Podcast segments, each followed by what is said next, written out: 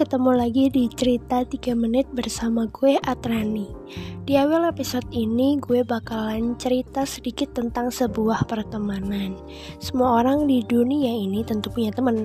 Mau yang bobrok, kalem, sombong, songong atau apa pun itu Pasti mereka dianggap teman dan menganggap seseorang di sekitarnya sebagai teman. BTW di sini gue bukan bahas teman yang datang cuman pas butuh aja ya.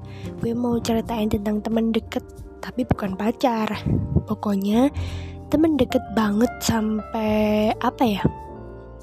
Hmm, yang gue rasain sih kalau kita lagi ngobrol nih atau cerita apa gitu ke teman deket gue, gue tuh gak usah nunggu respon dari dia karena otak gue udah bisa nebak apa yang bakal terucap dari mulutnya. Keren gak sih kayak telepati? Oke lanjut. Jadi pernah gak sih lo itu lagi kumpul sama temen? Terus cara gak sengaja kalian berdua Ngobrolin sesuatu yang ternyata obrolan itu menjurus ke hal yang belum pernah lo tahu sama sekali dari temen lo itu?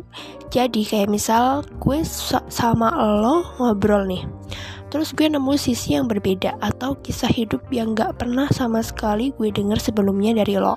Padahal udah bertahun-tahun kita berteman. Nah, ngerasa gimana gitu gak sih kayak bersalah? Kok gue baru tahu ya kalau dia begini gitu. Kalau gue sih, kalau gue sih jujur jujur iya ya kan ngerasa kita itu kayak udah best friend forever together whenever wherever banget lah pokoknya. Tapi kenapa gue baru tahu ini gitu? Rasanya ganjil banget. Kayak seolah-olah dia itu belum sepenuhnya menganggap seperti apa yang gue anggap ke dia. Jadi gue nganggap dia itu best friend banget tapi dia cuma nganggap gue teman biasa.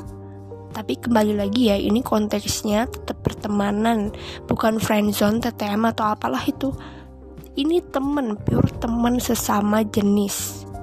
Nah di kondisi ini kita harus paham dan kembali lagi berpikir akan kodrat manusia yang sejatinya semua manusia itu punya privacy yang gak harus diketahui oleh banyak orang sekalipun sama sahabatnya sendiri itu jadi ya udah pahamin ke diri lo sendiri bahwa pasti si temen lo itu punya privacy pun lo juga pasti adalah salah uh, satu salah satu hal yang gak mau diketahui sama siapa pun.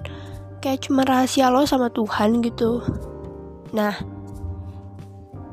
kira-kira itu ya awal podcast ini Semoga bermanfaat bagi kalian yang dengar dan tetap ikutin cerita 3 menit dari gue.